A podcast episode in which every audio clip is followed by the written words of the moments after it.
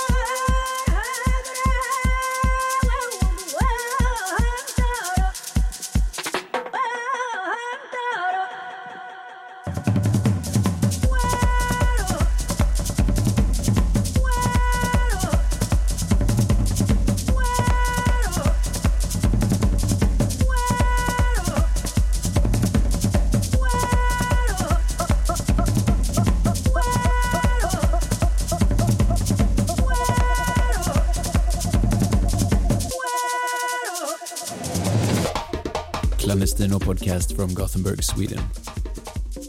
It's uh, episode 6.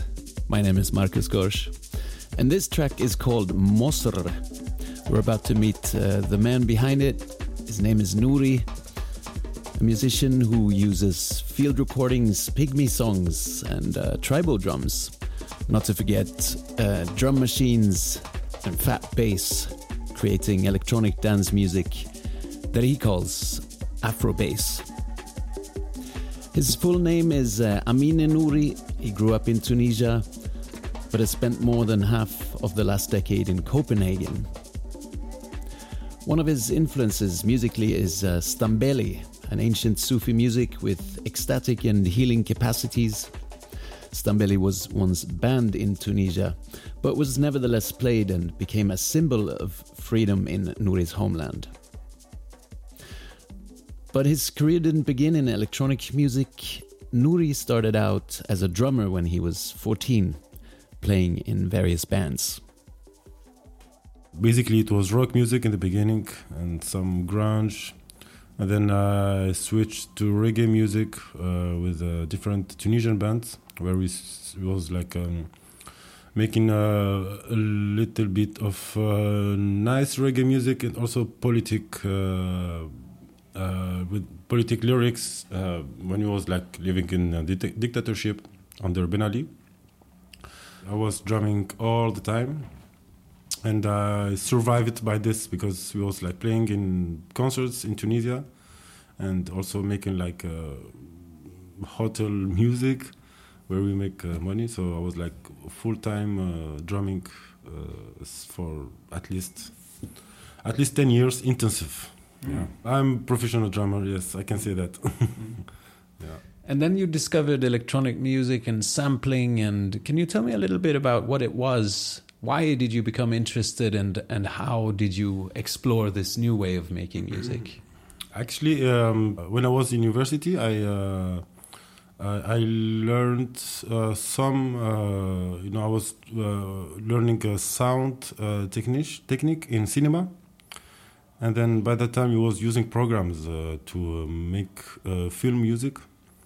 And by that time I, uh, I had a friend who was teaching me uh, how to use this program live ableton. And uh, i was like very in love with it. So i was trying many different things and um, just for fun. All, for, all was for fun. And actually nuri nuri career is just begin with fun. Where when i was um, i learned a little bit of this electronic music. And then uh, at one point I was trying to use uh, like voices and uh, percussion, like what we, we uh, there was recorded, like uh, Pygmy uh, sings from Central Africa, like some other percussion. I mean, like not only only African music, also I go somewhere to India and somewhere to America, and then I was I found myself like making something quite new for my ears and also for people ears and uh, and uh, I did like many um, like I didn't release actually tracks in the beginning. I was not thinking about releasing anything. I was just like it was for myself, and uh, at at one time I made my cousin listen to this, and he told me, "Hey man, this is an album." I said, "Okay, I will give it a try," and then here we go, and uh, Nuri was born.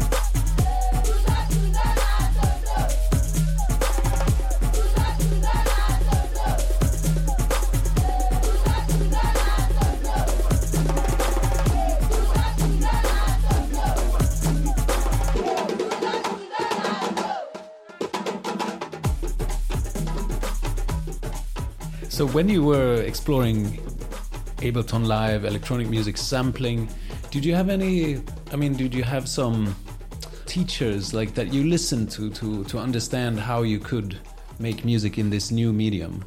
Yeah, I was actually very inspired uh, by an Italian uh, producer called Clap Clap, uh, where I was listening to his music and I was thinking, wow, this sounds good, and uh, and I'm actually doing almost the same style like him. Um, I just uh, when I compose music, um, I just go with feelings and uh, ears, and uh, like for example, I'm not very mel- melodical, but I know when it sounds good, uh, and rhythmically, I it's my job. Like it's my that's my laboratory where I like combine rhythms, uh, different um, mood and different uh, like how to say tempo or not tempo, but uh, patterns. Yes. I think I read that you call your style Afro bass. Yeah, uh, it's funny because uh, many many people like or um, in venues when I play on bars they put kind of funny lab- label on my music. Sometimes they call it uh, Afro electro. Sometimes they call it Afro futurist. Um, um, the for me uh, the music uh, what I'm doing it's um, two things. It's percussion, voice, uh, rhythmic and stuff, and it's sub bass.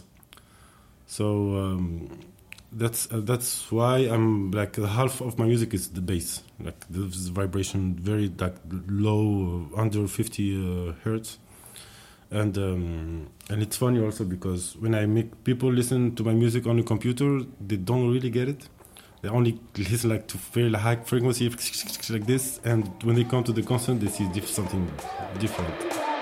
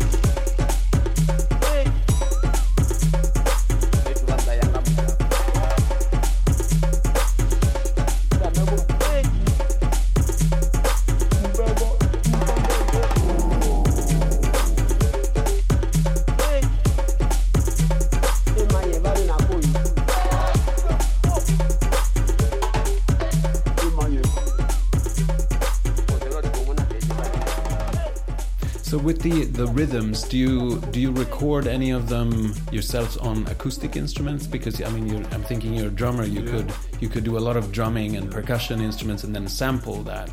Uh, no, I didn't. I don't. I steal music, like not steal actually. I mean like between. The I dig into uh, old traditional African music, uh, were what recorded from uh, 60s, uh, 70s.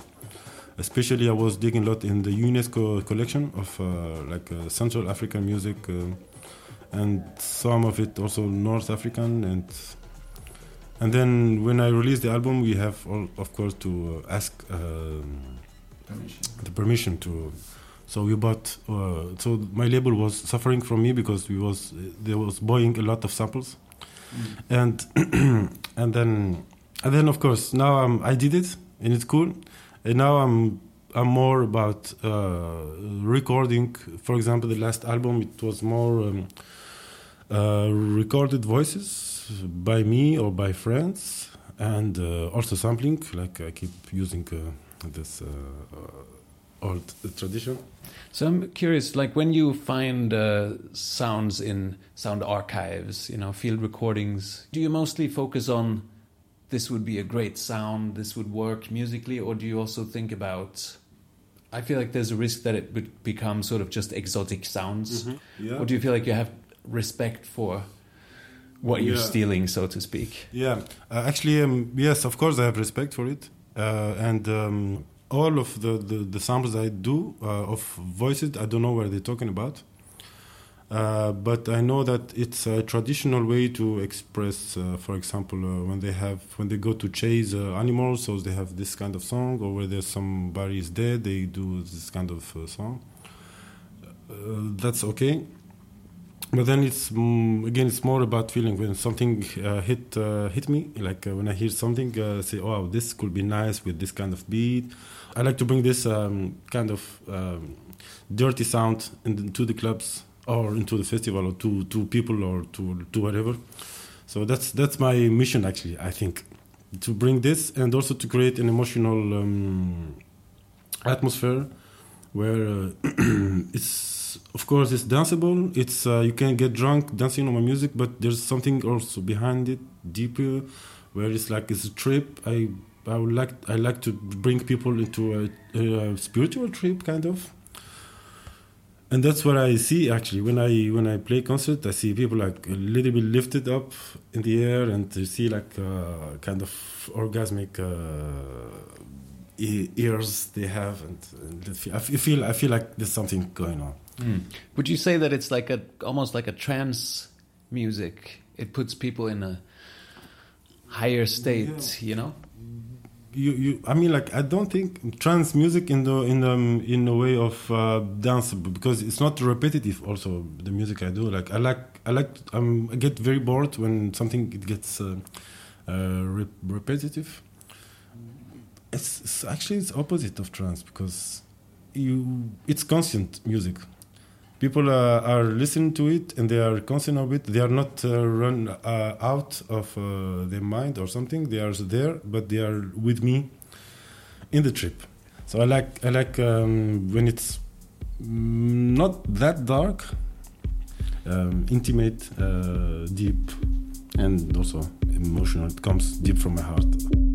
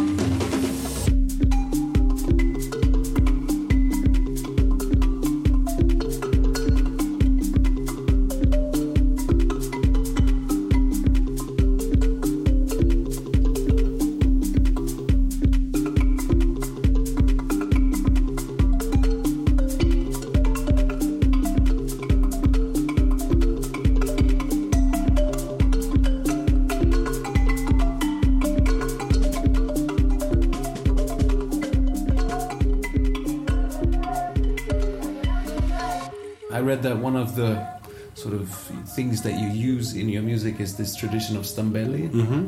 It's a tradition of music in Tunisia, and for a while it was banned by the government, Yep. former government. Uh, do, you, do you want to just tell me a little bit about this music? Uh, yes, uh, okay, I will tell you what I know. Uh, that this music um came uh, from Central Africa.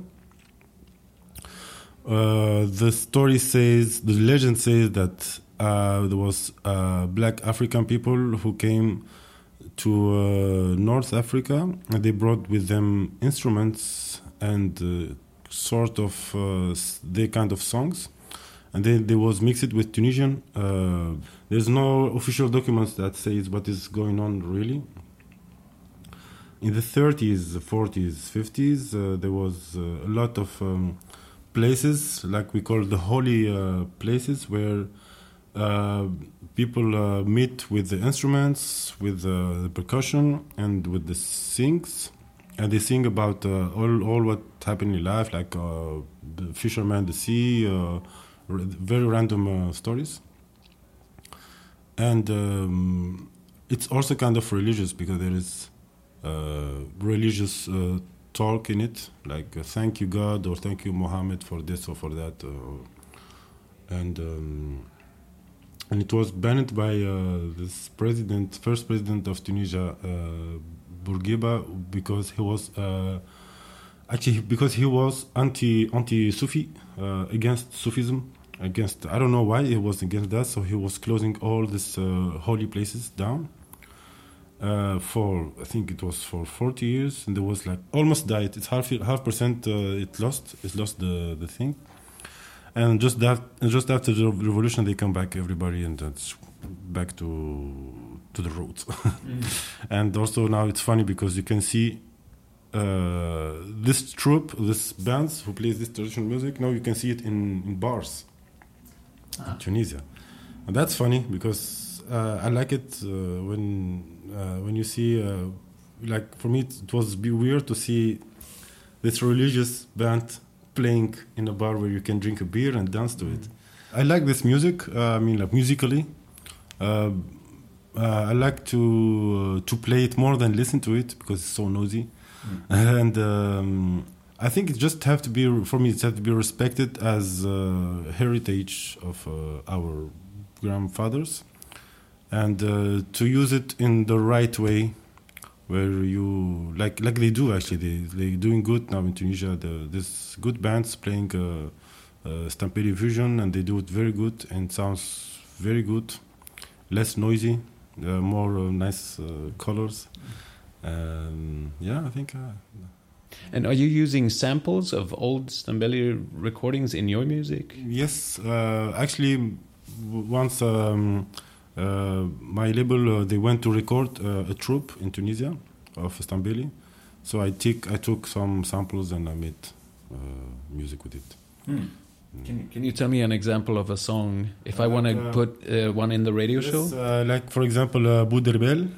Uh, it's uh, one of my first uh, albums, uh, music. It's all made uh, by, uh, uh, like, of course, uh, with voices, with um, percussion, recorded by my label, and then all the rest is like bass and uh, beat that I created uh, myself.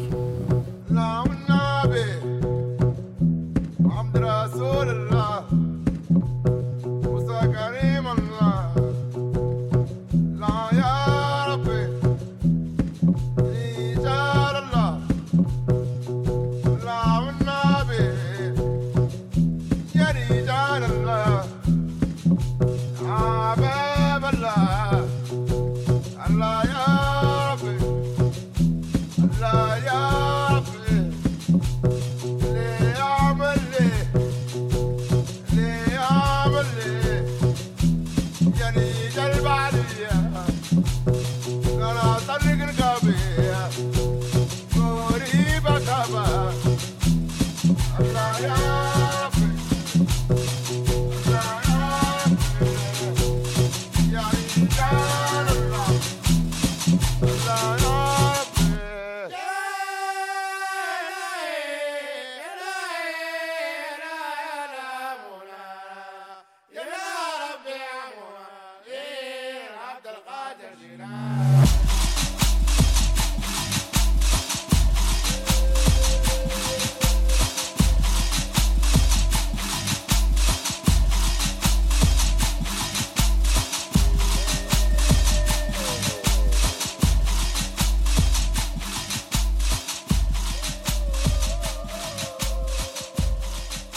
wear a mask when you perform live. Tell me about this.